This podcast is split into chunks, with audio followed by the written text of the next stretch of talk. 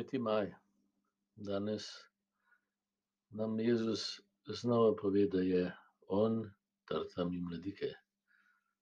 Verjetno vsi doživljamo, da pojmujemo svoje krščanstvo kot lastno zaslugo, da je odvisno od tega, kar mi delamo, da so naše zasluge pred Bogom pomembne. Naša prizadevanja. Pozabimo pa na kaj? Da vse prejemamo od Kristusa.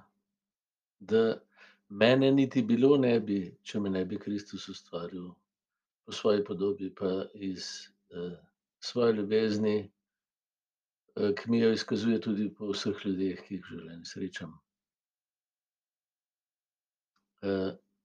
Ampak še vedno je ta skušnjava, da moramo Bogu nekaj dati. Potem bomo pa lahko nekaj prejeli od njega. Da si moramo zaslužiti to, da smo njegovi, da smo nekaj dragocenega. To je ta nenehna skušnjava, ki je zelo škodljiva. Jezus pa v evangeliji točno to pove. Krščanstvo je to, da vse sprejmem s Kristusove roke. In da se učim, da brez njega ne morem ničesar storiti, ker me niti ne bi bilo, če me ne bi on podaril, če me ne bi ljubil, če me ne bi obudil od mrtvih, če mi ne bi dal očetove ljubezni. Jaz nimam kaj, mene sploh ne bi bilo. Se pravi, vse v bistvu od njega prejemam, tudi notranjo moč za dobro. Vse, kar sem v življenju dobrega naredil, to sem vse od njega prejel.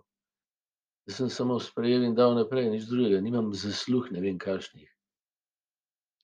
To niso moja dela, ampak njegova. No, in to me vabi. Mi imamo pa to skušnjavo, da pol primerjamo med sabo. Kateri je bolj pobožen, kateri je bolj svet, kateri bolj k maš hodi, kateri je več naredil.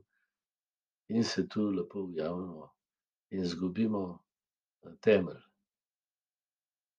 Dovolimo Bogu, da deluje v nas, ne odgovarjamo na to, kar on dela.